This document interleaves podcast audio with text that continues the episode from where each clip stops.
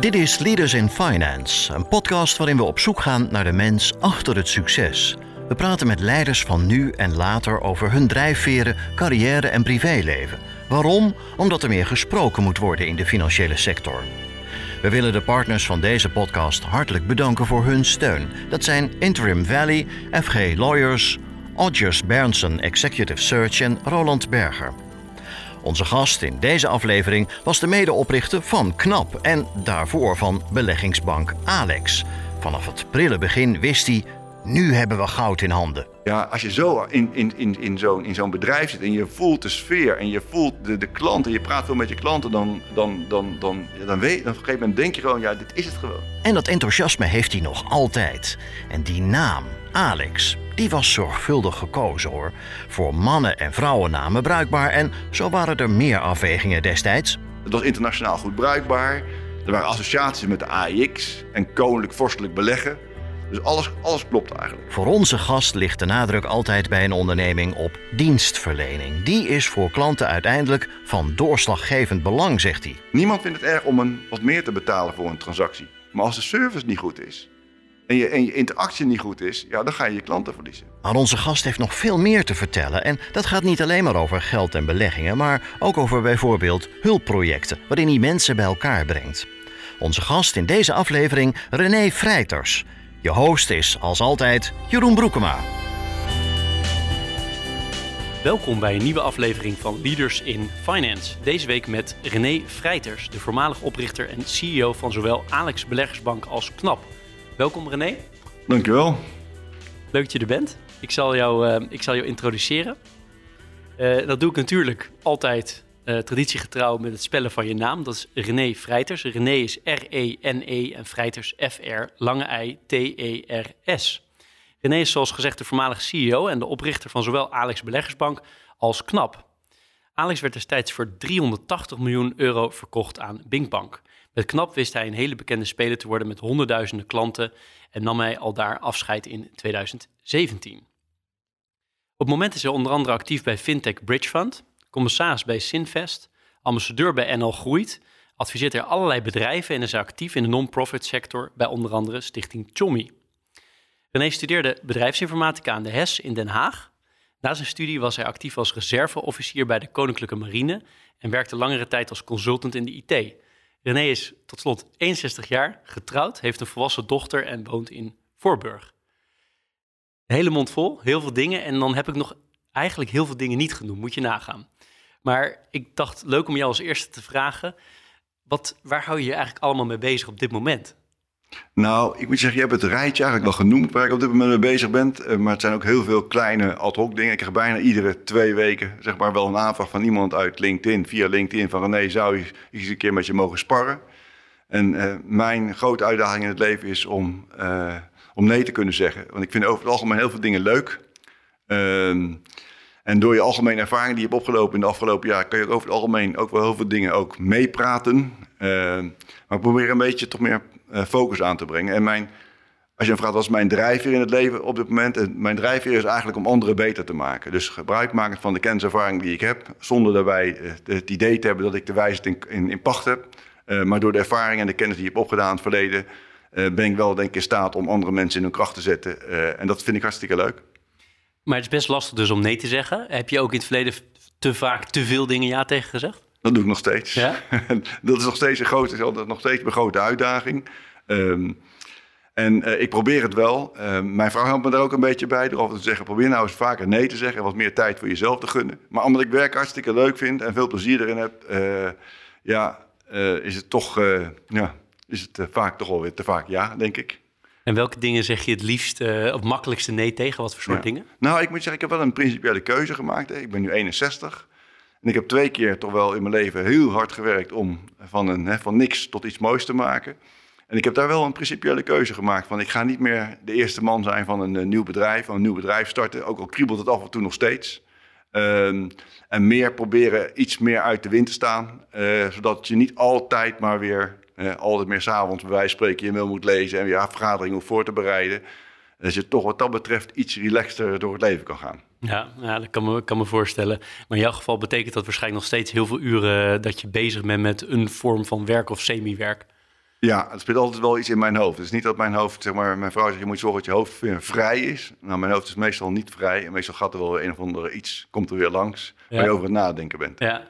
En wat zou je zeggen, eh, op dit moment is je, je nummer één plek waar de tijd naartoe gaat? Nou, ik moet je zeggen, ik stop op dit moment het meeste tijd in, eh, in Bridge Fund. Eh, omdat ik daar eh me drie jaar geleden aan gecommit heb. eh daar komen we zo wel even terug, denk ik. om daar te zorgen dat de hele IT zeg maar, op een goed niveau komt. Het is een fintech. En toen ik daar voor het eerst kwam, of een aantal keer geweest was... en men had het over een fintech, toen zei ik... nou, ik zie de fintech helemaal niet. Dus volgens mij is het Julian Tech en Daniel Tech... en al die andere techen die er kunnen zijn. Maar waar is fintech?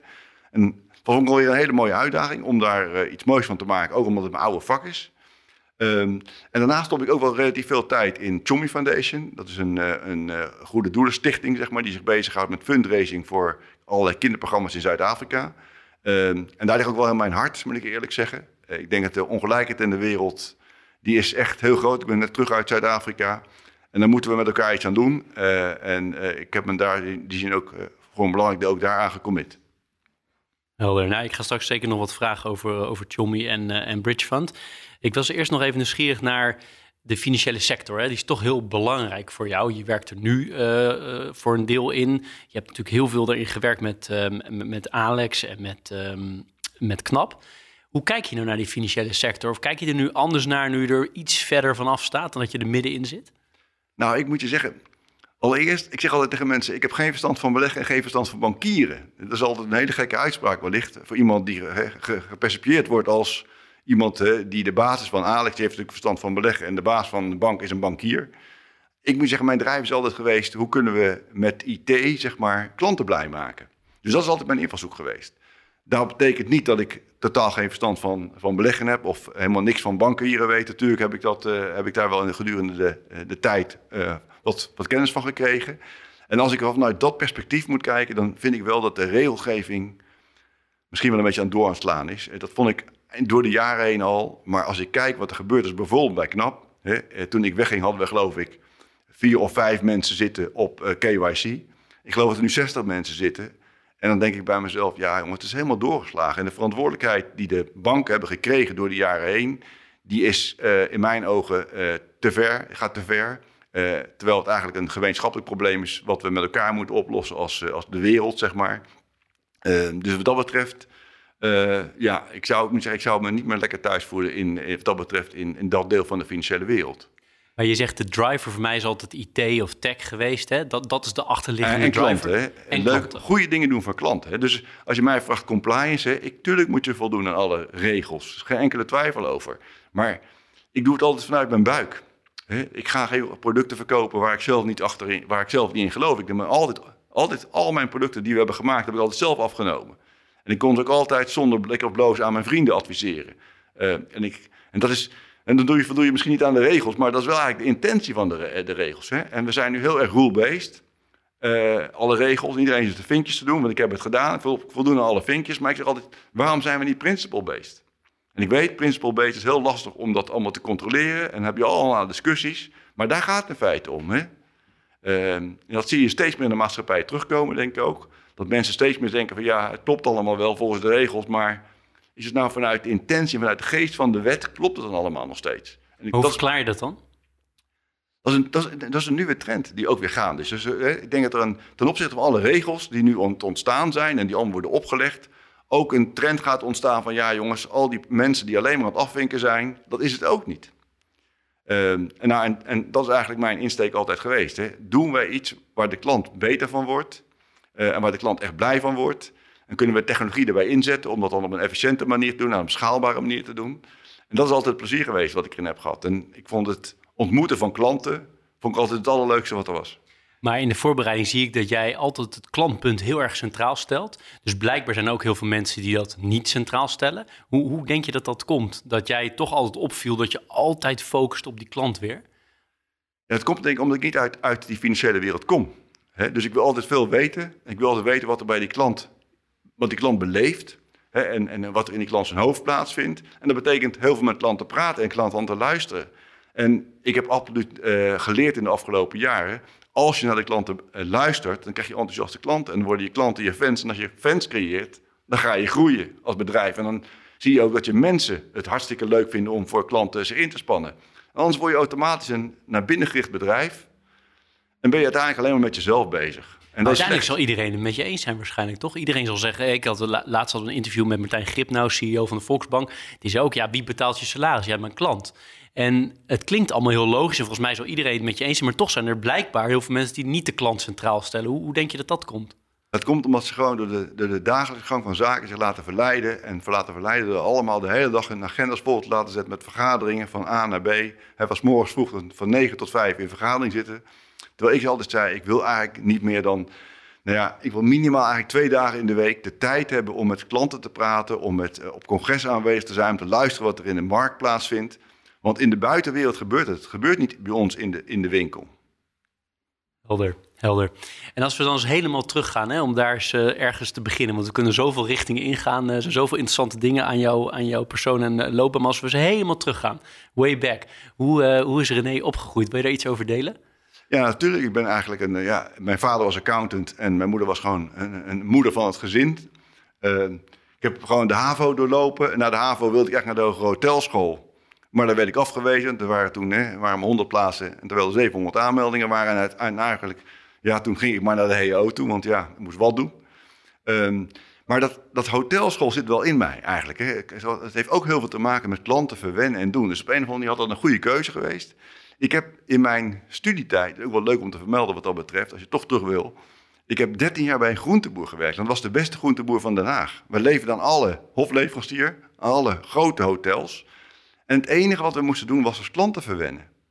Dus het ging niet over of het nou een dubbeltje duurder of goedkoper moest. Nee, het was erom, lever je kwaliteit. Als een klant zei, joh, die meloen is die lekker, dan gingen we het eerst doen, pakten we een mes en dan deden we de meloen opensnijden en dan lieten we de klant een stukje proeven. Of als een klant zei, joh, kan je even meelopen naar de auto? Dan liepen we naar de auto, stond die auto een kilometer verderop. De klant werd verwend. Dus wat, wat, was jouw functie daar bij die goed? Nou, ik was gewoon eh, alles? alles. Ik deed alles. Ik deed, ik deed alles heel mooi, mooie stellages maken, het er heel mooi kleurrijk uitzat. Soms deed ik mensen, klanten gewoon helpen. Ik deed de vakken aanvullen, ik deed van alles schoonmaken.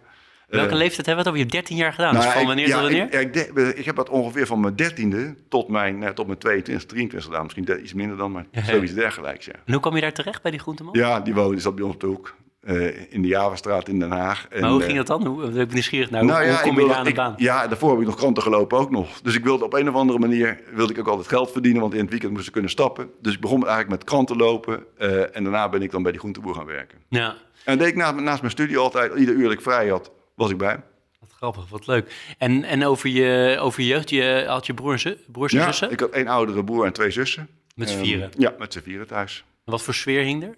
Ja, het was een leuk gezin. Maar ook, mensen kunnen het bijna niet meer voorstellen, een kamer met mijn broer delen. En mijn zusje deelde ook samen een kamer op, één, één kamer slapen. Uh, dus uh, ja, een beetje een, een, een gezin waarvan de ouders typische oorlogstijd hebben meegemaakt. En dat betekent? Nou, leren delen. Ik weet nog wel, ik kreeg vroeger een fiets, maar moest samen een fiets met mijn vader, met mijn broer delen. Samen een fiets.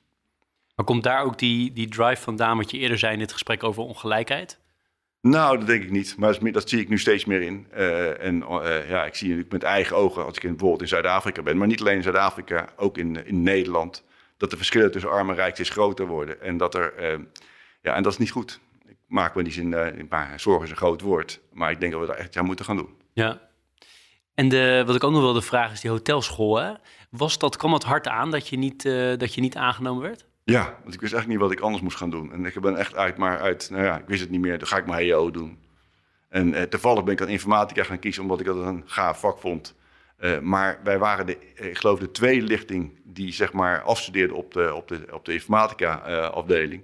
dus we kregen heel experimenteel onderwijs, maar het lag me goed en ik vond het leuk. En wat voor, wat voor soort studententijd was het voor jou? Was het uh, hard werken? Was het, uh, je zei uitgaan, noemde je ook? Was het... Ja, nou, ik heb, het, ik, ik heb er toch wel hard voor moeten werken ook, om het, om het te halen. Uh, feesten, ja, in het weekend, met vrienden, maar niet zozeer vanuit de studie. niet bij een studievereniging aangesloten geweest, wat dat betreft. Ik heb echt wel mijn best moeten doen om het te halen. Ja, en die studie was dus een soort van toevallig, had, had van alles kunnen zijn. Behalve dat je hotelschool eigenlijk wilde doen, toch? Ja, ja zeker zo, ja. ja. ja. Want dan was het heel anders gelopen. Misschien wel. Ik weet het niet, maar als ik ben niet ontevreden over wat we gedaan hebben. Maar ik denk het hotelwezen had me ook goed, goed gelegen, denk ik. Nou, is dat nog iets wat je, waarvan je denkt dat je nog iets mee gaat doen? Zou je ooit een eigen hotel willen hebben? Nou, ik moet je zeggen, ik heb na mijn knaptijd gedacht, zal ik een strandtent kopen? Maar toen ben ik wel gaan informeren. Ik ben met een aantal strandtenthouders gesproken. En die zeiden, nou ja, René, zoals jij het voorstelt, hè, zo van lekker hè, iedere dag op het strand zijn. Eh, zo werkt het helemaal niet. Je moet gewoon keihard werken gedurende negen maanden van het jaar. Hè, en, een strandtent kopen kost minimaal een miljoen bijvoorbeeld. Hè, eh, om even te praten over, het is, het is niet een dingetje als je erbij doet. En alles is een kwestie van events organiseren, huwelijken organiseren. Want hè, van de gewone dagelijkse gang van zaken kan je niet leven. Dan dacht ik bij mezelf, nou ja, dan ben ik altijd maar in het weekend ook weer weg. En nou ja, dat is ook niet de bedoeling. Dus op een of andere manier spreek me dat wel aan. Uh, ik kook nu graag thuis. En ik heb graag mensen op bezoek en waarvan ik lekker kan koken. Mooi, mooi, mooi om te horen. En uh, ik zei in de inleiding al, je bent dus ook reserveofficier geweest. Hoe kwam je daar uh, Ja, dat hield, dat hield, helemaal niks in, moet ik eerlijk zeggen. Ja, ik moest de dienstplicht doen. Ehm, en ik kreeg de kans om te solliciteren voor reserveofficier. Heb ik gedaan. Ik ben door de keuring heen gekomen. Ik heb zes weken lang in Den Helder gezeten. Uh, wij sliepen overdag ongeveer toen wij in de banken zaten. En we hebben geloof ik één keer een, uh, een oefening gehad van 24 uur.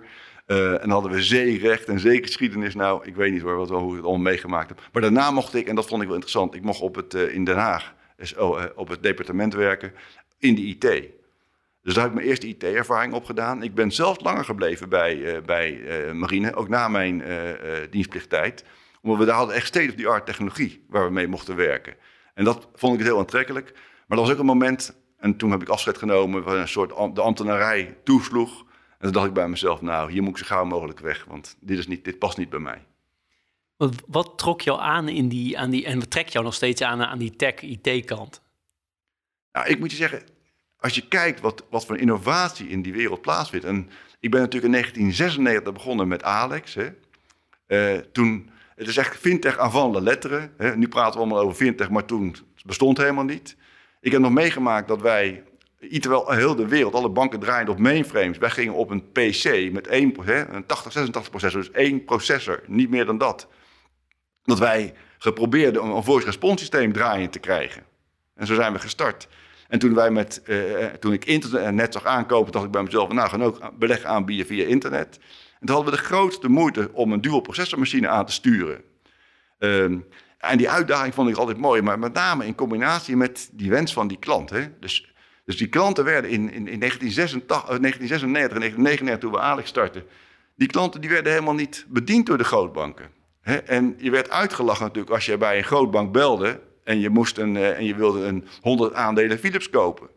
Laat staan als je een half uur later dacht, oh de koers is niet goed, de limiet, ik wil de limiet aanpassen. Nou, die meneer nam, die, die, die, de telefoon voor jou niet aan.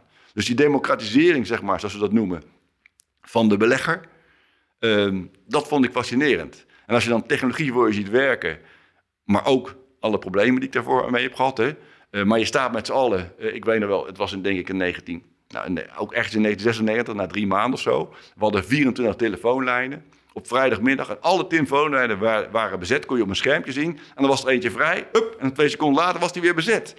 En iedereen Niemand, iedereen zat bijna niks doen. Hè? Twee of drie mensen die kregen dan een klant die zich wat door wilde verbinden.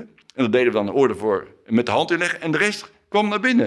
En dan ging je morgens naar je cijfers kijken de volgende dag. En dan denk je, jeetje, wat een gaaf. Zeg, we hebben heel veel klanten, heel veel orders kunnen verwerken voor die klant. Zonder iemand te spreken. Wat gaaf is dat? Maar toen kom ik er ook achter dat de technologie je dan in de steek laat. En je dan klachten krijgt. En dan gaat het om, hoe ga je met je klachten om? En dat was altijd eigenlijk een beetje een rode draad in mijn leven geweest. Omdat ik altijd bij het begin van technologie bezig ben geweest. Heb ik ook heel veel klachten gehad.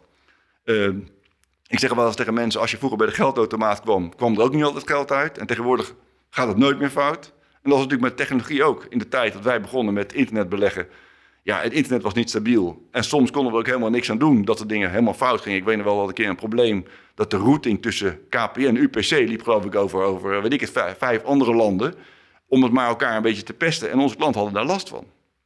En hoe je voor je erachter komt dat jij er eigenlijk niks aan kan doen, dan, uh, dan ben je wel wat verder. Maar we hebben ook zelf heel veel schaalbereiksproblemen gehad. En dit is allemaal technologie uh, als middel om iets anders te bereiken, hè? Om, uh, om klanten te helpen en om, om het bedrijf groter te maken. Ehm, maar vind je technologie in zichzelf ook boeiend of is het puur als middel? Of ben je ook iemand die dingen uit elkaar haalde Nee. al als jong kind en dat technisch heel interessant vindt? Nee, helemaal niet. Ik moet je eerlijk zeggen, ik, toen ik eh, bij, eh, bij de marine zat en ik moest een, eh, ik programmeerde toen nog een kobel. Als ik een dump had, dan zei ik al, liep ik naar een programmeur toe en zei ik, joh, als ik nou voor jou een kop koffie ga halen, wil jij dan voor mij die dump oplossen? En dan waren we allebei blij. Wat Dus, mooi. dus, dus, dus ik ben niet zozeer e- geïnteresseerd in de echte techniek, op, hè, maar wel op een hoog niveau. Maar met name over hoe kan je dingen mooi maken en goed maken, conceptueel gezien. eh, en hoe kan je klanten er eh, en, en je organisatie mee, mee blij maken. Ja, helder. En die periode na de studie eh, en marine, wat heb je gedaan voordat, je, voordat Alex begon? Nou, ik heb jarenlang bij allerlei, ook in de financiële sector, bijvoorbeeld bij de Bank der Bondsvoorbank heb ik gewerkt. maar ook in andere branches, bij bijvoorbeeld GB, GEB Rotterdam heb ik gewerkt. Eigenlijk altijd in de informatica. En toen ben ik ooit eens eh, ben ik in contact gekomen met Bank Labouchere. Daar heb ik ook een project gedaan. En uiteindelijk eh, is eh, de, de, de VEB Bottomline, dat is de voorganger van, de, van Alex Beleggersbank. Dat was een, een, een, een, een initiatief van Bank Labouchere. En daar zei ze tegen mij van René, dat liep helemaal niet goed, dat project. Zou jij het project willen gaan leiden? En dat heb ik toen gaan- gedaan onder bepaalde voorwaarden. Ehm, maar dat hebben we vanwege, eigenlijk vanwege het grote succes na een jaar al stopgezet. En toen ben ik helemaal opnieuw van scratch af aan begonnen. En dat is Alex Beleggersbank geworden. Ja, want hoe is dat praktisch gegaan? Was je toen, was je toen voor jezelf aan het werken? Was je in dienst? Hoe ging dat? Nee, ik werkte voor mezelf. Ik had mijn eigen bedrijf. Eh, sinds 1991 had ik mijn eigen bedrijf. Eh, en eh, ze vroegen mij of ik wilde assisteren. En toen vond ik het wel super gaaf. Ik dacht ook bij mezelf, nou eigenlijk na een half jaar, nou alles is onder controle. Ik vind het, ik vind het goed zo. Ik ga mijn volgende opdracht doen. Maar toen stonden er heel veel problemen als gevolg van schaalbaarheid. En toen heb ik tegen Labouchere gezegd, nou het is leuk en aardig, maar die VE bottomline, daar, daar gaan we mee stoppen. Eh, ik wil iets heel nieuws creëren. En, dat, eh, en daar is eigenlijk Alex Beleggersbank vandaan gekomen. En wie waren de oprichters van Alex naast jijzelf? En Peter Vaar. Ja, dus je bent met z'n tweeën helemaal gestart? Ja, en Peter Verhaar is zeg maar de man die helemaal idolaat was van beleggen. Ik zei altijd, een dag niet belegd is een dag niet geleefd. Eh, dat gold voor hem. En die had een enorme goede visie ten aanzien van, hè, waar gaat de wereld heen? Dus hij was de man die eigenlijk voortdurend kwam met ideetjes, hè, van dit idee of die visie. En ik was veel meer de man die gewoon zei, oké, gaaf. Maar ma- waar is de business case? En hij vond de wet dan ongeduldig. Zei, nee, ik ga niks, nergens aan beginnen voordat ik een business case heb. En voor ik weet dat ik het ook kan daadwerkelijk kan implementeren. Dus heel veel van zijn, zijn, zijn vuurtjes die hij aanstak, heb ik uitge, uitgeblust. Eh, zodat er een paar overbleven waarbij we zeg maar, eh, een mooi bedrijf konden opbouwen. En hoe kenden jullie elkaar? Peter en jij? Ja, ook weer van daarvoor. Dus ik heb een, een van mijn opdrachten die ik ook had, was bij de, de Nederlandse Middenstandsbank, nu ING. Ik was ooit verantwoordelijk voor de projectmanagement voor de eh, automatisering van de dealing room. Toen werden in de dealing room alle transacties nog papiertjes uitgevoerd. En wij waren er, zorgden ervoor dat je voor het eerst een transactie kon invoeren in een systeem. Dat was in 1989 al. En toen heb ik Peter een aantal jaar gewoon één keer het jaar gesproken. En toen zei hij 96, nee, kom op, we moeten het nu ook voor particulieren gaan doen. En toen was de tijd ook rijp, omdat volgens responssystemen zeg maar opkwamen. En toen was hij ook al ondernemer of werkte hij toen nog ergens? Hij werkte bij Labouchere toen. Hij Ja, werkte toen ja, daar. Ja, En toen zijn je samen dat nieuwe bedrijf begonnen. ja. Gewoon helemaal 50-50. Zijn het Nee, we zijn het samen begonnen, maar met, eigenlijk vanuit, het klinkt een beetje, ja, het, is, het was de werkelijkheid. Ook toen hadden we al last van vergunningen. Dus we hebben op de vergunning van Bank Labouchere gebruik gemaakt. Ah. Vergunningen doet een beetje mijn leven, eh zeg wel een beetje achtervolg hoor. Eh, ja, Maar zij waren dus ook aandeelhouder. ja, Ja. En hoe, is het toen, hoe, hoe was die eerste tijd? Hoe ging dat praktisch? Nou ja, we hadden echt gigantische zelfstandigheid. Dat had ik ook geclaimd, anders had ik, wilde ik het niet doen. En we zijn gewoon met een, ja, experimenteel gaan, gaan, aan de slag gegaan. Eh, ik, heb de, ik heb een aantal mensen ingehuurd. Eh, toen de tijd was er een beurscompetitie altijd, eh, op de radio, televisie. En de mensen die de software daarvoor ontwikkelden, die ben ik gaan opzoeken. En ik heb tegen die mensen gezegd, jongens, kom op, dat gaan we ook samen doen. Nou, dan kom je techneuten tegen die razend enthousiast zijn en die echt van nieuwe technologie houden. Ehm, en met die mensen ben ik gaan optrekken. En toen ik heel veel technologische problemen had bij de VE Bottomline en helemaal opnieuw beginnen, toen ben ik samen met een aantal studenten die wij in dienst hadden, want we hadden veel studenten in dienst, ben ik gewoon de kelder ingedoken en zeg jongens, we gaan het helemaal opnieuw bouwen. En toen hebben we zeg maar anderhalf jaar, twee jaar, nee anderhalf jaar, hebben we software gebouwd, hè, de risk management systemen en dergelijke. En toen zijn we opnieuw geopend met Alex. Wanneer dacht je dit gaat een succes worden? Wist je dat helemaal vanaf het begin? Ja. Of van de allereerste begin toen jij begon met programmeren? Nou, ik moet je zeggen, met name toen, eh, toen Alex live ging, zeg maar. en internet opkwam, toen zei ik tegen mijn vrouw, ach, we hebben goud in handen. En ik, ik weet nog wel, het eerste keer dat het bedrijf verkocht werd, en dat was eigenlijk vanuit uh, Bank Labouchere, uh, die hadden het uiteindelijk voor het zeggen, uh, omdat Labouchere in de problemen kwam met Legiolease. En die dacht bij mezelf, nou ja, alles wat hier zit, we werden overgenomen toen de tijd door, wat was het, door Dexia. En de mensen die daar zaten, dachten van nou, al die problemen die bij Legiolease zitten, zitten ook bij Alex. Dus laat ik maar de boel zo gauw mogelijk verkopen. Toen zijn we in 2000 en uh, even denken, 2004, eind 2003, verkocht voor 40 miljoen. Kun je nagaan, 40 miljoen kocht de Rabobank ons. Um, en toen zei ik tegen mijn vrouw, echt, echt ik wilde het zo graag zelf kopen, maar dat werd me niet gegund. Um, ik heb goud in handen. Maar niemand, er waren maar weinig mensen die het door hadden. Hoe kwam het dat jij het wel door had? ik voelde het gewoon aan alle kanten. Ik voelde gewoon dat, dat ja, als je zo in, in, in, in zo'n in zo'n bedrijf zit en je voelt de sfeer en je voelt de, de klanten, je praat veel met je klanten, dan, dan, dan, dan, ja, dan, weet, dan op een gegeven moment denk je gewoon, ja, dit is het gewoon. En ik weet niet of jij het logo van Alex kan herinneren, maar het logo van Alex was een mannetje met twee armen omhoog. En dat was de, wat wij noemden de, de, het beeldmerk de winning mood. En we waren echt dag en nacht in de winning mood. En onze klanten waren ook in de winning mood. En we wisten ook, als die lang die klanten in de winning mood zijn, dan worden we een succes. En dat werd geleefd en gevoeld in alles. Je krijgt er nog heel veel energie van, volgens mij, als je dan terugdenkt. Nou ja, ik moet je zeggen, dat krijg ik ook. Ehm, en het fascinerende was, uh, uh, is overgenomen door Binkbank. En Binkbank besloot tien jaar later, 2018, toen was ik al acht jaar of tien jaar weg, om, de, om het merk Alex te stoppen. En toen waren er een paar medewerkers van Alex en die stuurden mij in, in, in, in de WhatsApp, een groep maakte die aan. En die zeiden, René, we gaan een feestje bouwen, Alex Forever. En kun je nagaan, tien jaar nadat ik weg was, dat hebben we gedaan in Amsterdam. Er waren geloof ik 90 mensen van Alex aanwezig. En ik ging s'avonds om huis, het was een lange tijd, was niet zo laat meer geweest, half drie. En ik zat in mijn auto en ik dacht bij mezelf, ongelooflijk, het lijkt of Alex nog leeft. Mensen waren zo enthousiast en zo fanatiek nog over het merk Alex. Fantastisch. Maar wat was, de, wat was het dan de cultuur die daar leefde? Iedereen was enthousiast, maar wat maakte nou dat het zo'n zo'n positieve vibe kreeg? Ja, ik moet je zeggen, het is heel moeilijk om te zeggen, een cultuur. Hè? Maar een cultuur heeft te maken met, uh, met hoe je mensen aanstuurt, hoe je mensen inspireert. Uh, natuurlijk ook met het succes wat je met elkaar leidt en de dingen die je doet. Uh, maar mensen werkten bij ons gewoon 10, 12 uur per dag.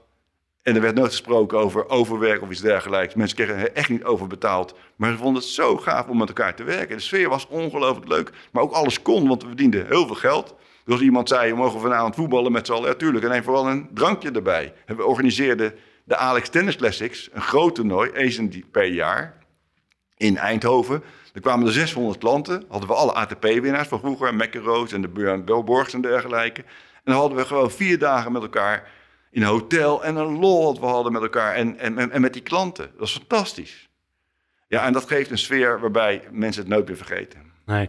Een praktische vraag waar ik nieuwsgierig naar ben. Waar kwam die naam Alex vandaan? Heb jij die bedacht? Of iemand ja. anders die bedacht? Nou, met elkaar, laat ik zo stellen. Ehm, de naam Alex, die heeft ook echt een goed verhaal. En ik moet zeggen, ik geloof in, in, in, in, in namen waar een verhaal achter zit.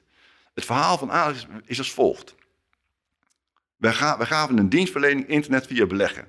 Maar je weet, computers moet je in een koelcel zetten. En ik wist toen de tijd al, het internet is niet stabiel en er gaan problemen komen. En als je problemen hebt, dan moet je iemand spreken van vlees en bloed. Het warme gevoel. Dus tegenover die koude computer het warme gevoel. En je weet, alle banken, financiële instellingen, zeker in de beleggingswereld, hebben allemaal achternamen. En wij zeiden, weet je wat we doen? We kiezen voor een voornaam, want wij zijn een innovatief bedrijf. En toen zeiden we ook, we moeten met A beginnen, want we hebben drop-down boxes. We moeten hoog in die drop-down box zitten. En toen kwam Alex eruit, omdat Alex onzijdig is. Hè? Als je vriendin Alexander heet, noem je er ook Alex. Het was internationaal goed bruikbaar. Er waren associaties met de AIX en koninklijk vorstelijk beleggen. Dus alles, alles klopte eigenlijk. En de domeinnaam was beschikbaar. En de domeinnaam was beschikbaar. Was toen de tijd nog niet zo'n groot probleem. Uh, maar ook, hetzelfde geldt bij Knap eigenlijk. Het verhaal bij Knap geldt hetzelfde. Iedereen vond het helemaal niks. En ik zei, het is goed. En je kunt allemaal wel niks vinden. En toen het eenmaal een succes was, zei iedereen, ja, fantastische naam. Ander verhaal waar ik het met je over heb. In mijn voorbereiding heb ik allemaal dingen over jou gelezen uh, op, uh, op, via Google. En één verhaal wat mij wel aansprak is dat je op een bepaald moment echt wel even kneep, omdat er technische problemen waren en extreem veel boze klanten. En dat je toen 300 man hebt uitgenodigd En dat Ja, er toch klopt. 300 boze mensen waren. Ja, dat was tijdens de, eh, eh, de oorlog in Irak, zeg maar. Ik geloof 2003, 2004. Ehm, toen kon ons systeem het niet aan. Allemaal technologische schaalbaarheidsproblemen. Nogmaals, ik zeg, ik heb veel eh, schaalbaarheidsproblemen in mijn leven gehad en overwonnen. Ehm, en toen kreeg ik zoveel klachten en ik ging die klachten zelf nabellen samen met Peter. En iedere keer als wij een klant belden en we zeiden... joh, ik ben René Vrijs of Peter Vaar en ik ben oprichter van Alex... En fijn dat ik even, kom met uw collega dat ik even bel en noem maar op. En je gaf die klant aandacht, dan voelde die gewoon dat de stoom binnen één minuut van de ketel was. Maar we hadden zoveel klachten, we konden het gewoon niet aan. En ik zei tegen Peter maar één ding, we moeten een seminar organiseren. En dat noemden we Alex begeeft zich in de hol van de leeuw. En dat hebben we gedaan. En we hebben de beurs van Berlage afgehuurd. En eh, binnen twee weken hadden we een groot seminar op zaterdag. En we hebben ons eerst, ik zei tegen Peter, we gaan ons niet kwetsbaar op, we gaan ons wel kwetsbaar opstellen, maar we gaan niet als eerste meteen door de knieën. We gaan eerst vertellen hoe goed we zijn. Want alle andere banken waren echt heel slecht. Hè? Bij de Postbank moest je er minimaal drie kwartier over doen om iemand aan de telefoon te krijgen. En bij de ABN AMRO, die hadden HomeNet en deed een order voor een order op de beurs was, duurde minimaal een kwartier. En bij ons was het, als het goed ging, gewoon binnen, binnen een minuut was je order uitgevoerd. Ook in Amerika. Alleen hadden last van file. En toen hebben we eerst een kwartier dat verhaal gedaan. En toen mochten de klanten, nou ja, je snapt wel, die klanten die waren boos. En die kwamen heel veel vragen. We hebben gewoon alle vragen heel oprecht beantwoord. Eh, en het mooie is, om een lang verhaal kort te maken, was één klant en die bleef maar terugkomen. En op een gegeven moment stond de zaal naar op en die zei, meneer, ga nou eens even zitten. Deze mannen vertellen toch het eerlijke verhaal? En we hadden natuurlijk wel, weet je, doorgedacht. Dus, eh, ik, het was een fantastisch moment. We hadden lekker eh, natuurlijk allemaal eh, bootjes geor- georganiseerd. Dan, hè, we laten aan de grachten, dus allemaal boten.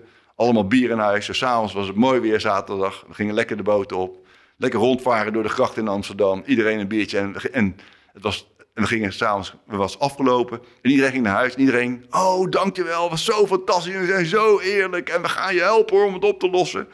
Ik had al 300 ambassadeurs gecreëerd. Terwijl de problemen niet waren opgelost. Hè? En ik wou net zeggen, de, de druk om de problemen wel op te lossen werd nu nog veel hoger waarschijnlijk, of niet? Nou, Ja en nee. Hè? Ja in de vorm van het moest gewoon gebeuren. Maar nee, iedereen had ik, ik had niks beloofd. Ik had tegen iedereen gezegd, ja, maar wanneer is het opgelost? Ik zei, ik weet het niet. Als u morgen het antwoord geeft, krijgt u van mij 25.000 euro. En dan is het morgen opgelost. Maar misschien duurt het nog een week, twee weken. En ik denk dat het nog twee weken geduurd heeft. En zo'n event, was het nou iets waar jullie, jij en Peter allebei eh, op het podium stonden? Ja, was zeker. iets wat jij deed of wat hij Nee, deed? nee, Peter. Peter was ook fantastisch, ja. ja. Ik heb van Peter geleerd hoe je op een podium moet staan. Dat is wat zijn, was van hem, van hem, van hij naar nature. En je moet het gewoon vaak doen. En, en wat, wat is het? Ja, het is passie. Kun- Kunnen de luisteraars ook Het- van leren? Ja, het is, het is passie. Het is praten met passie. Daar draait het om. Hè. Eh, Praten vanuit je hart. Maar is het iets wat je moet leren? Of is het gewoon gegeven dat sommige mensen, zoals jij ook, jij, jij zegt gewoon wat je denkt volgens mij? Jawel, dat is ook zo. Maar je kan het ook leren. De eerste keer dat ik op het podium stond en dat ik een lezing moest geven, ook, joh, ik, kon een, ik kon geen broodje door mijn keel heen krijgen. En langzamerhand eh, ben, je daar, ben je daar beter in Moet geworden. Eh, ja, precies. Ja, en weet je gewoon dat je het kan. Ja, ja.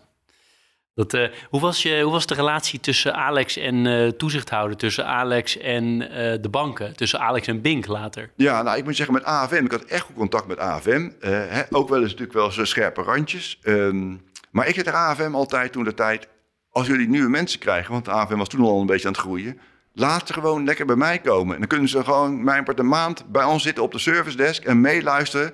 Want ik wil weten dat jullie goed begrijpen wat er bij ons leeft. Ik weet nog wel dat wij een, gegeven moment de wetgeving kwam met hè, ook een soort know your customer. Hè, en dan moest de klant een beleggingsprofiel in, invoeren. En toen zei ik tegen AFM, wacht eventjes. Wij geven een execution-only dienstverlening. En hoe meer ik van de klant weet, hoe meer die klant later kan tegen mij kan zeggen... wacht eventjes meneer Vrijter, u wist toch dat ik... Ik zeg terwijl het execution-only is, hè. Dus het wrijft op elkaar. En toen wij het moesten invoeren van de, van de AFM... toen kreeg ik ook stapels klachten van al die klanten die zeiden: Wat is dat voor paternalisme? Waar bemoei je u zich met dan mee? Toen heb ik al die brieven meegenomen naar AFM. En zeg: Jongens, kijk eens, dit is het. Dit zijn wat onze klanten willen. Nou, het is ingevoerd, maar later is het weer minder geworden. Dus ik denk dat het goed is om, om een, een, een, een toezichthouders mee te nemen in de werkelijkheid waarin jij je begeeft en het spanningsveld waarin je zit.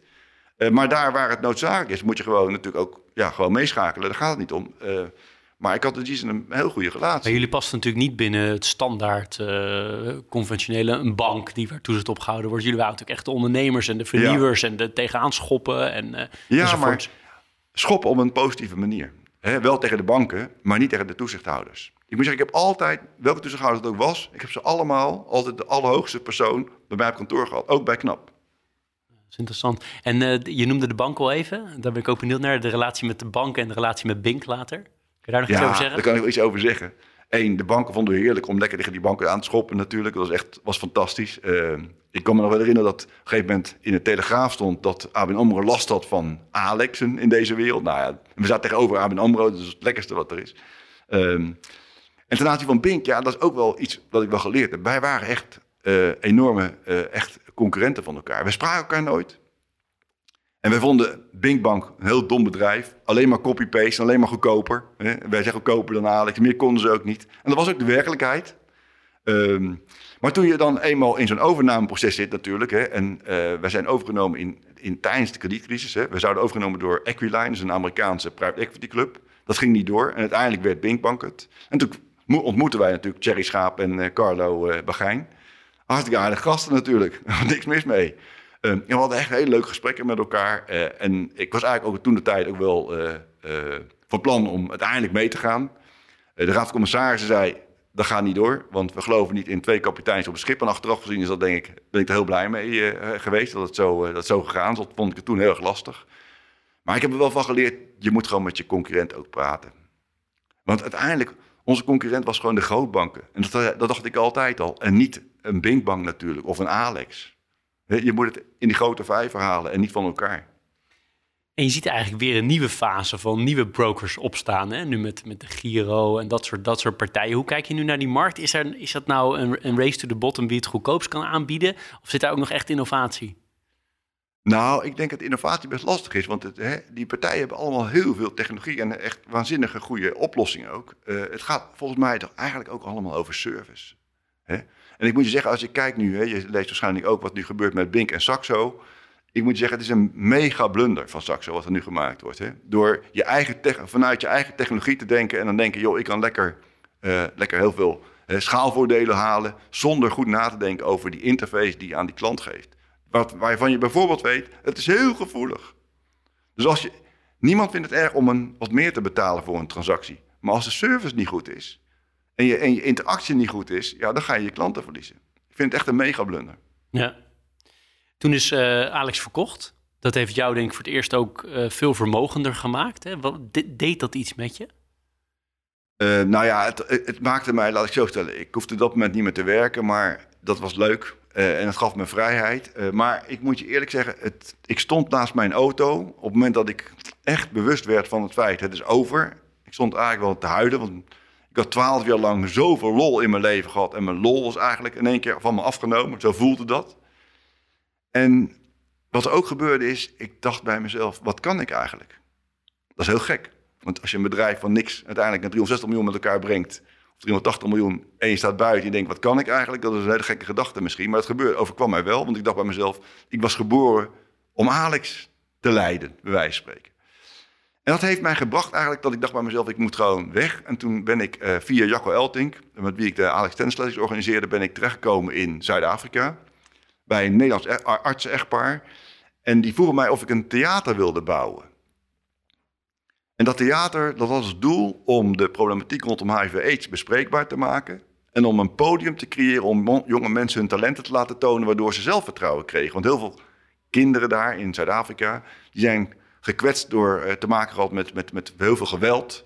Heel veel meisjes zijn verkracht. Eén grote ellende wat dat betreft. En als je natuurlijk een podium krijgt om je talenten te tonen. Je moet bijvoorbeeld gaan zingen. Dan moet je rechtop gaan staan. En als je dan applaus krijgt voor het eerst van je leven, dan ga je in zelfvertrouwen groeien. En als je zelfvertrouwen groeit, kun je wat gaan betekenen voor de samenleving.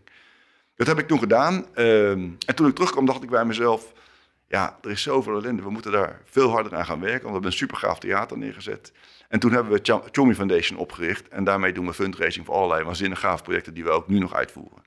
Want wist je al toen je wegging bij Alex uh, naar Tommy, wist je sowieso niet dat je dat zou gaan doen? Had je zelf verder een beeld bij wat je daarna wilde gaan nee, doen? geen flauw idee. Geen idee, had anders kunnen zijn. Nee, en ik moet je zeggen, ik heb, het, ik heb mijn kracht ontdekt toen ik in Zuid-Afrika was. Ik had dat te maken met 35 ongeschoolde mensen die alleen maar stenen konden stapelen.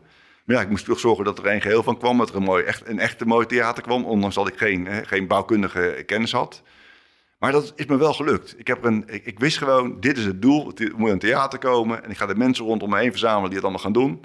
En binnen negen maanden stond er een fantastisch theater. En toen ik terugkwam, dacht ik bij mezelf... mijn kracht zit in het mensen bij elkaar brengen. En vanuit een idee en een visie iets voor elkaar gaan boksen met elkaar als team.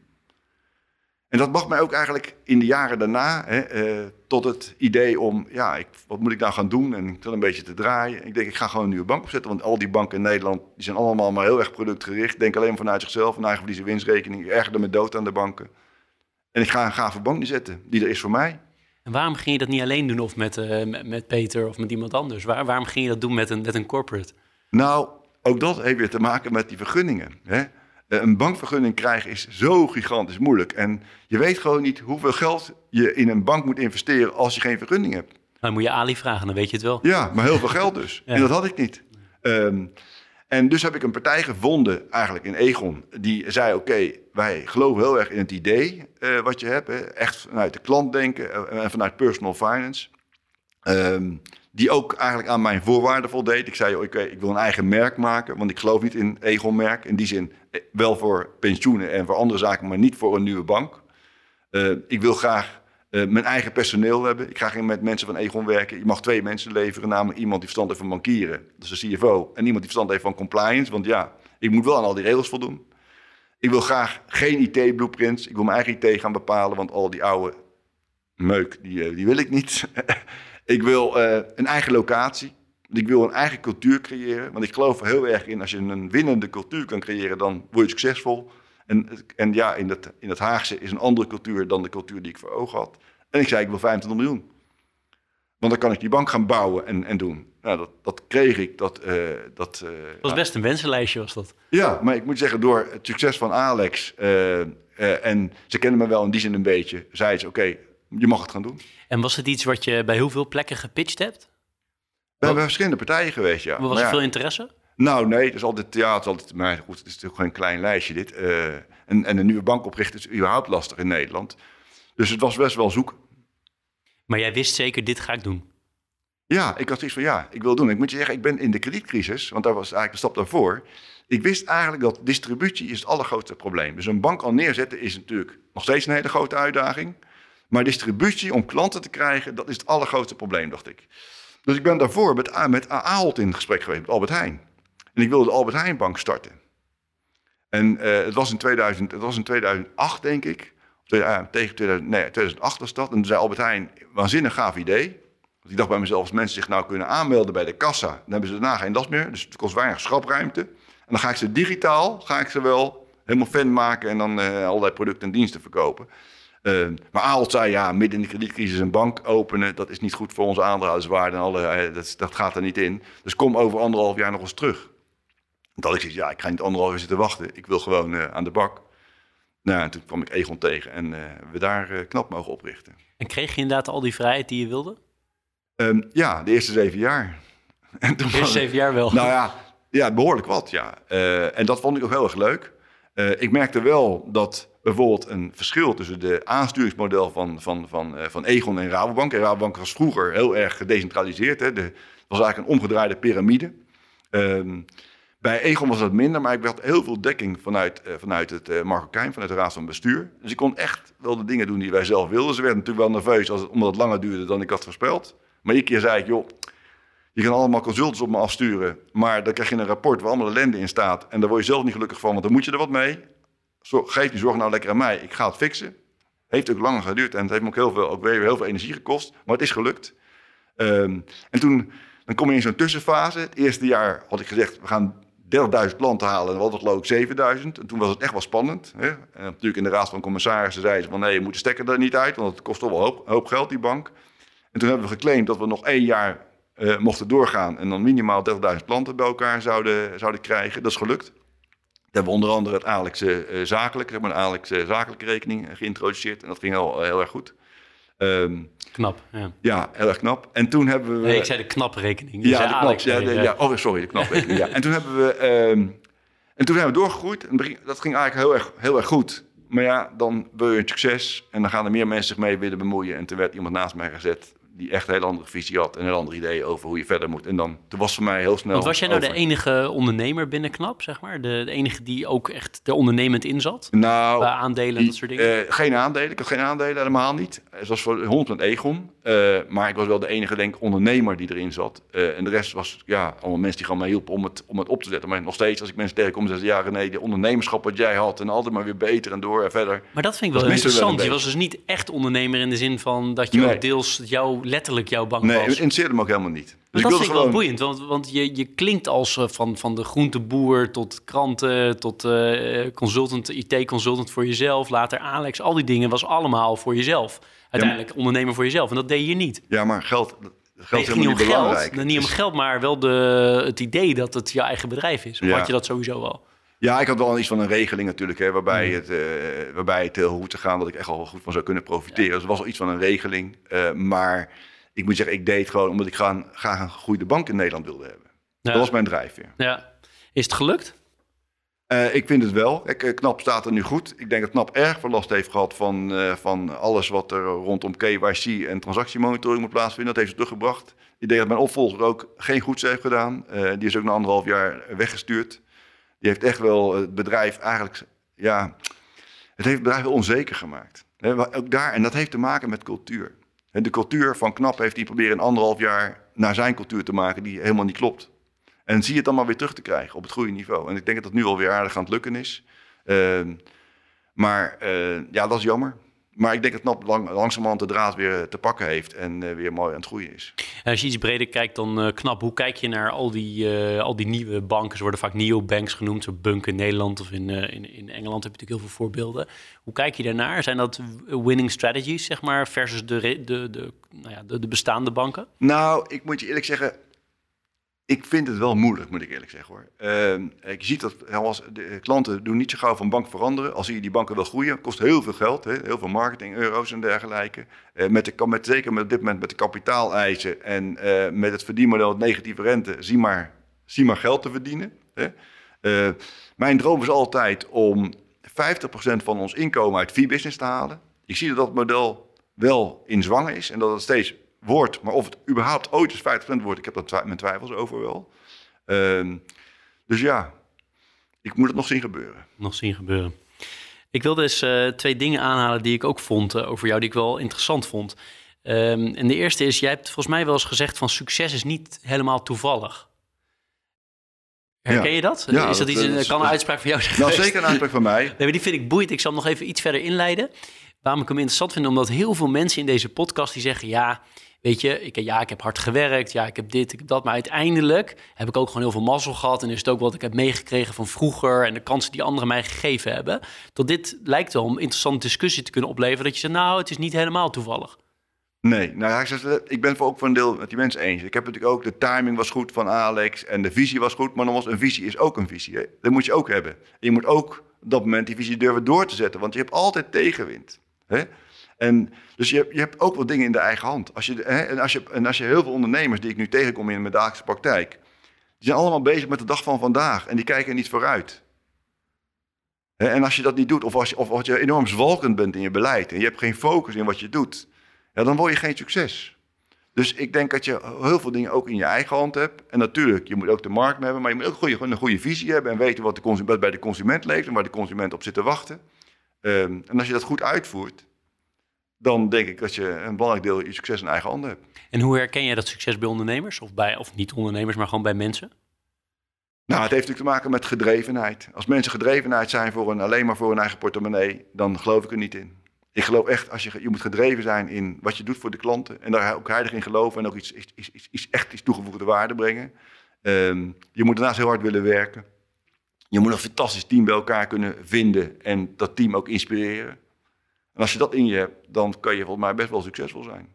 En waarom denk je dat jij eh, altijd in staat bent geweest om mensen aan je te binden... die met jou mee willen in jouw visie? Nou, ik denk, maar dan was ik, dat klinkt een beetje onaardig voor jezelf, on, on- onaardig, misschien een beetje arrogant, maar dat wil ik zeker niet zijn. Maar alle mensen met wie ik gewerkt heb zeggen altijd: nee, je bent zo inspirerend. En Nou, hoe denk je, ik moet eigenlijk die mensen vragen, niet aan Ja, jou, je moet maar als mij vragen, maar dat is een van de belangrijke dingen, denk ik. Je moet Maar waar mensen- zit die inspiratie in? maar inspiratie, dat zit hem in het feit dat je. Ik deed altijd iedere week voor de groep staan.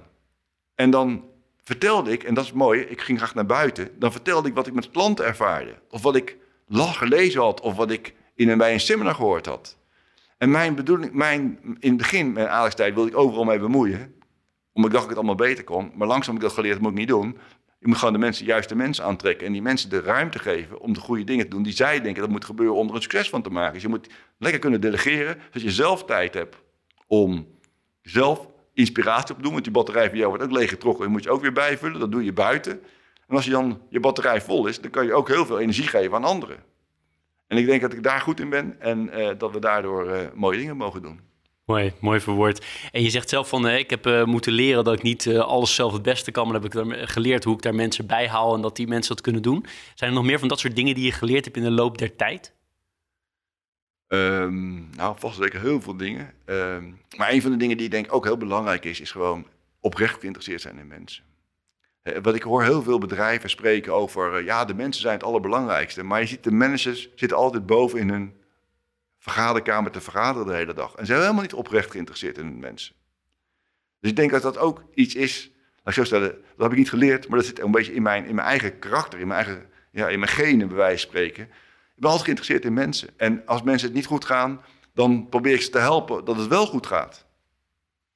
En als het niet goed gaat, durf je afscheid te nemen. Want ook dat is, maar dat is ook een kunst. Om op een goede manier van mensen afscheid te nemen. Dat je ze ineens vijf jaar te later nog ontmoet. Dat ze nog steeds met jou graag een biertje willen drinken. En zeggen, ja gaaf. En goed dat je me eigenlijk geholpen hebt uit die worsteling waar ik zelf ook mee zat. En dat ik zelf ook weer het geluk op kunnen vinden bij een ander bedrijf. Ja, ja. Want dat, dat, die, die, die, ja, zeg maar dat, dat inleven in andere mensen en ook willen dat andere mensen succes hebben en die, of die gastvrijheid vanuit de hotelschoolgedachte. Um, is dat iets wat, wat er ook toe leidt dat je soms vergeet aan jezelf te denken? Dat je alleen maar bezig bent met al die mensen of, of vind je het ook wel makkelijk om gewoon goed voor jezelf te zorgen? Nou, dat is het ene volgt het ander. Ja? Ja, tuurlijk. Als jij, als, jij, als, als jij goed voor anderen zorgt, dan zorgen anderen automatisch goed voor jezelf.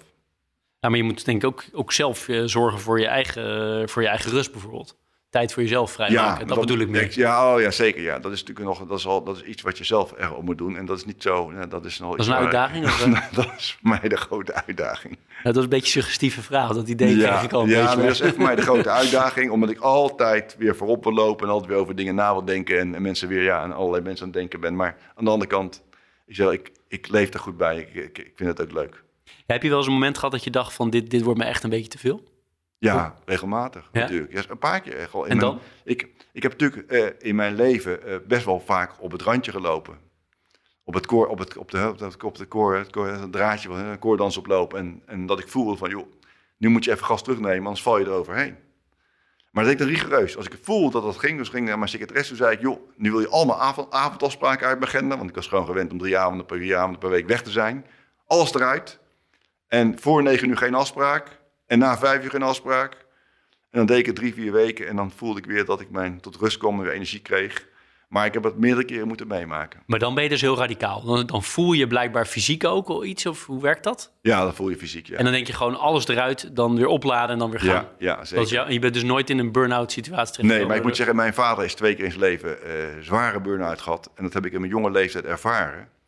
Dus ik weet gewoon, dat is voor mij een les geweest. En ik weet hoeveel impact het had op het gezin bij ons thuis.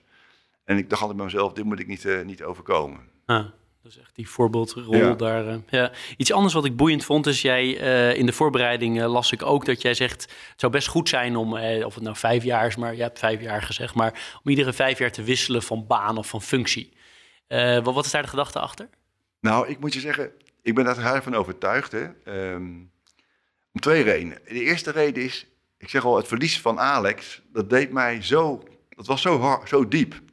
Maar door mijn vertrek naar Zuid-Afrika en door alle kansen die ik daarna gekregen heb, heb ik gewoon geleerd, als er eerst ergens afscheid van neemt en je hebt goede instelling, dan komt er weer iets anders voor in de plek.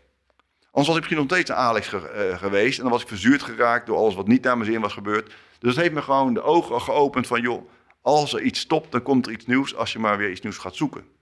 Het tweede is, ik heb heel veel mensen in mijn leeftijd nu, ik ben 61, die richting het pensioen gaan en die zeggen, ik moet nog drie jaar. En dan zeg ik, ja, maar daar heb je zelf voor gezorgd. Want één, als jij meer dynamiek had gehad in je leven, je werkt nu al 20 jaar, 50 jaar bij jezelfde baan, daardoor kun je niet verder.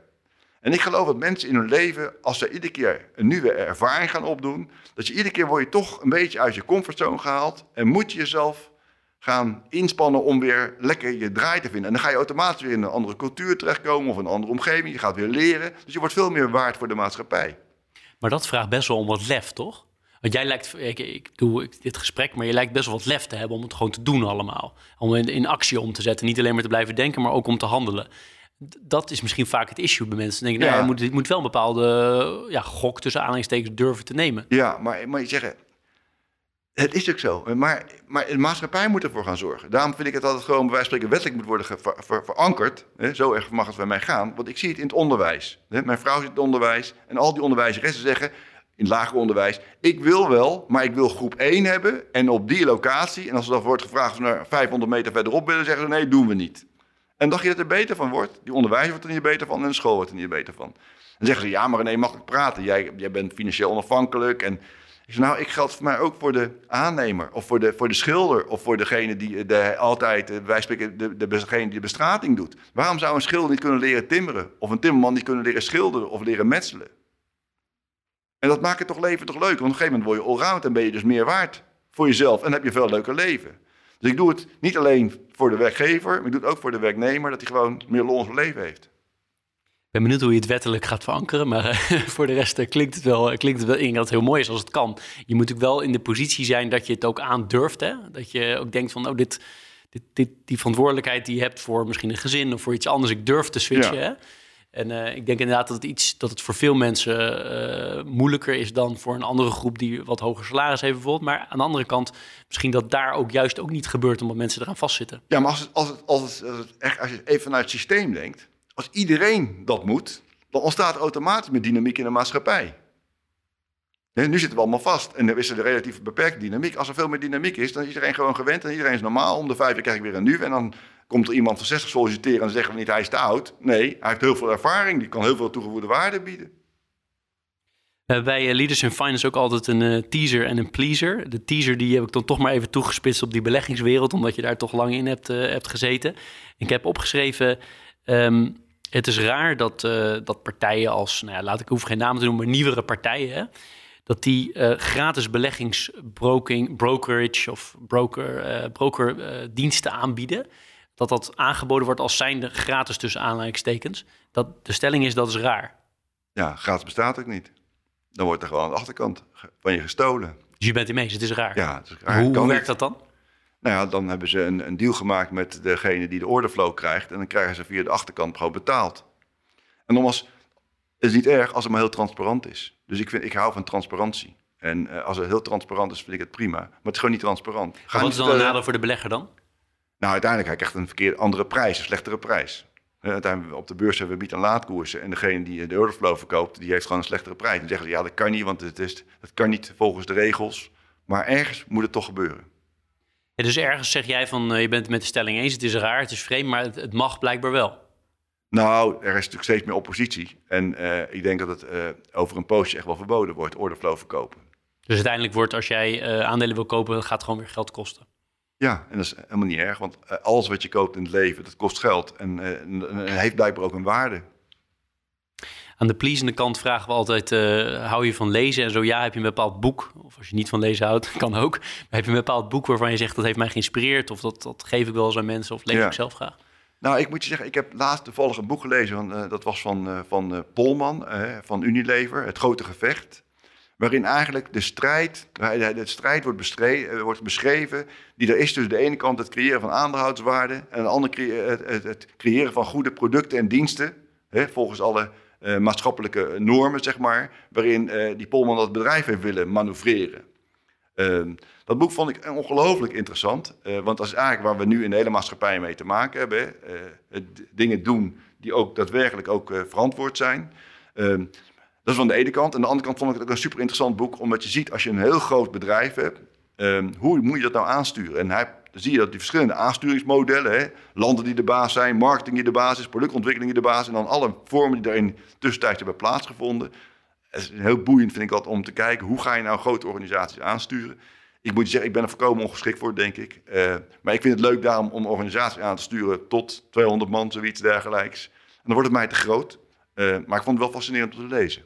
Ja, nee, ik heb het ook gelezen. Ik heb het ook in één ruk uitgelezen. Het is echt uh, ja, heel boeiend. En ook wel uh, boeiend vind ik vanuit het oogpunt van hoe moeilijk het is om hele grote organisaties, olietankers, en maar een klein beetje de andere kant op te krijgen. En hoeveel weerstand je dan krijgt. Ja, met name ook de, iedereen gaat toch weer vanuit voor zichzelf. In plaats van voor het totaal. En dat is, uh, ja, dan is het heel lastig. Ja, ik heb uh, alle gasten van Leaders in Finance deze vraag die nu komt uh, gesteld. Dus die ga ik jou ook stellen, want ik spaar ze. Dat is welke tips heb jij voor starters op de arbeidsmarkt en dan specifiek in de financiële sector, maar mag ook breder? Nou ja, één, ga niet bij een, groot, bij een grote corporate werken. Dat is helemaal niet leuk. Het is allemaal, en je wordt, ook een, je wordt dan in een klein vakje neergezet. Hè? En ik denk dat het leuk is juist als je bij een kleinere speler gaat spelen, dat je veel breder, kan, veel breder ervaring kan opdoen. En veel meer ruimte krijgt om je kennis en ervaring in te zetten, zeg maar. Dus dat zou mijn eerste, eerste ervaring zijn. En mijn tweede zou zijn, ga na vijf jaar wat anders doen. Dus blijf niet steken. Hè? Durf, ook al heb je het hartstikke naar je zin, ga na vijf jaar gewoon weer het volgende avontuur aan. En ik krijg altijd, dat, ik, zeg ik ook, roep ik altijd, ook bij mijn Alex-tijd en in mijn knaptijd ook. En ik heb wel eens een donder gekregen van degene die verantwoordelijk was voor personeelszaken bij KNAP. Die zei, nee, wat heb je nou gezegd? En toen zei ik, ik meen het echt. Ik gun mensen gewoon meer ervaring in het leven. Want als je meer ervaring opdoet, dan, weet, dan ga je leren wat je leuk vindt en wat bij jou past. En iemand die hier bij KNAP nu begint, die wordt nooit de baas.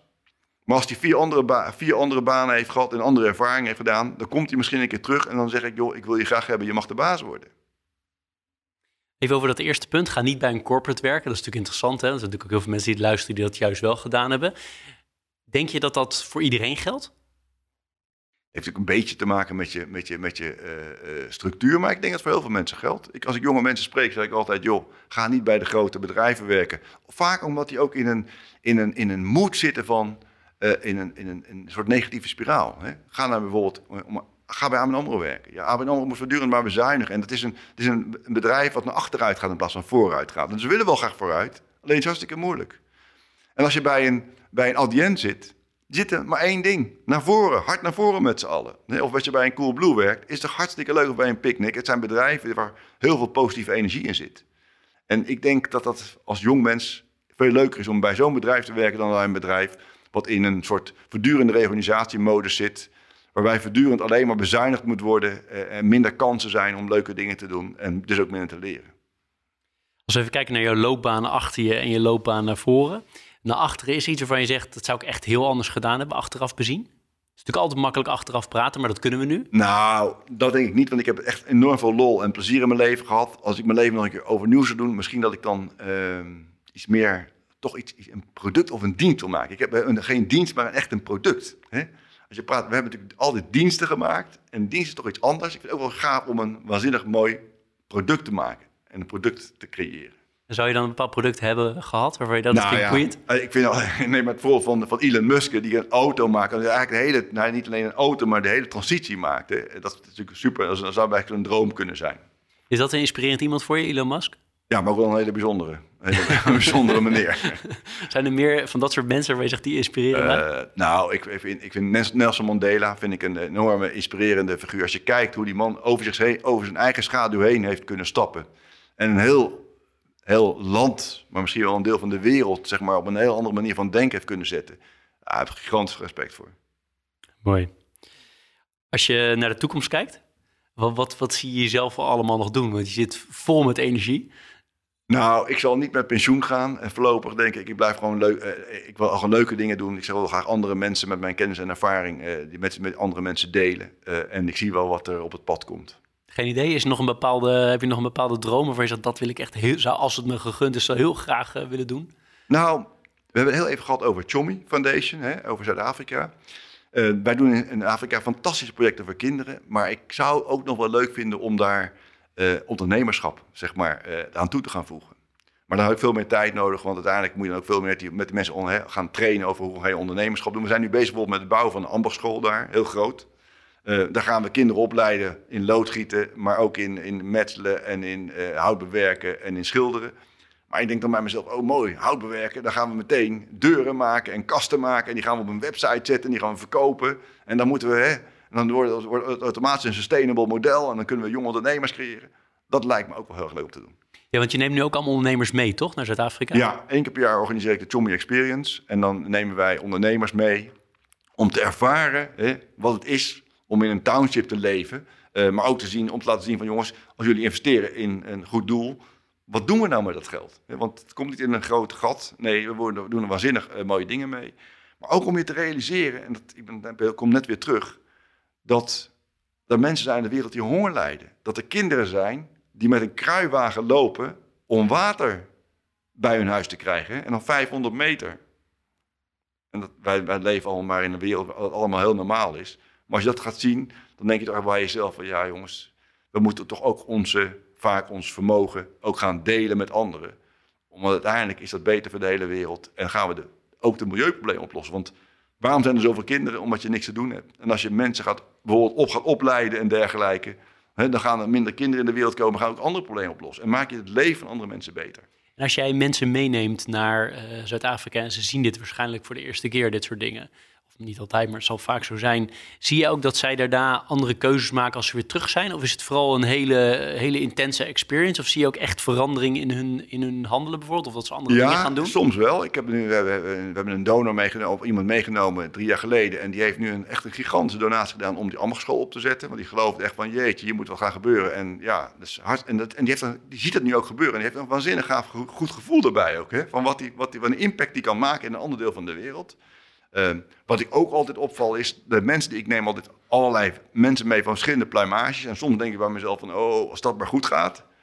Maar na drie dagen, het zijn allemaal vrienden van elkaar geworden. Mensen worden toch teruggeworpen op hele basale dingen van het leven.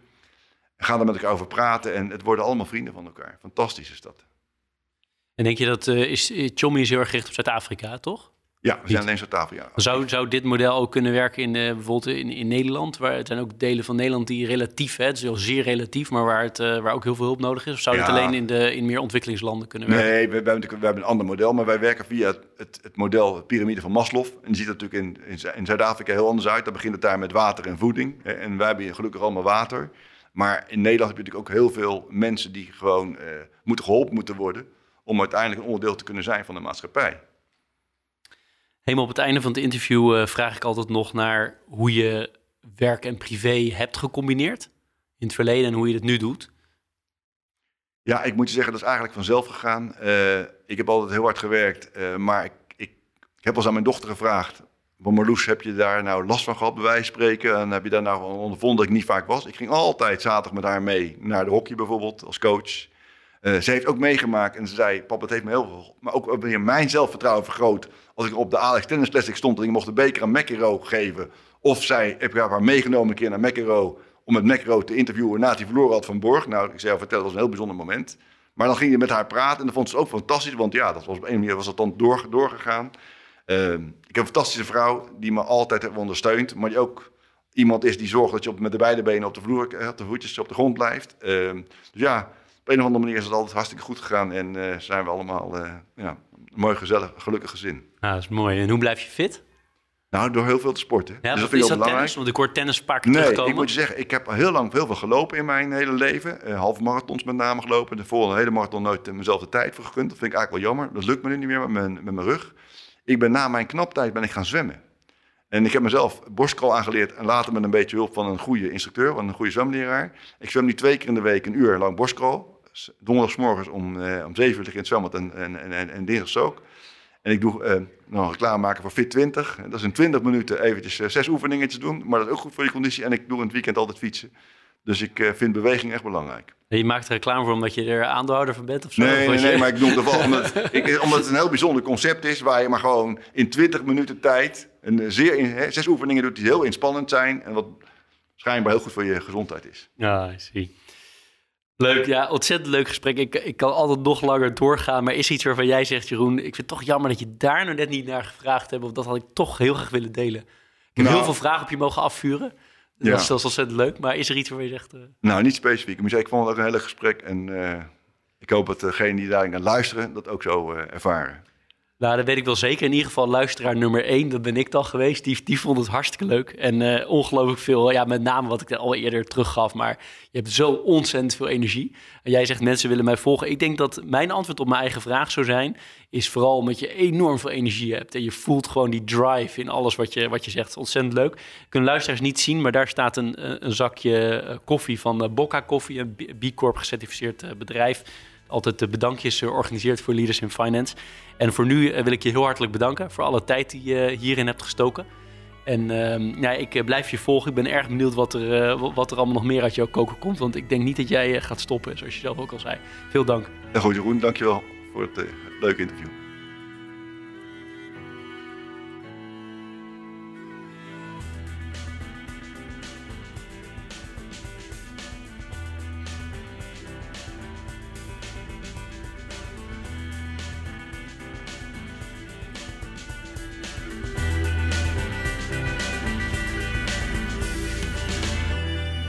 Dit was Leaders in Finance. We hopen dat je deze aflevering met veel plezier hebt beluisterd.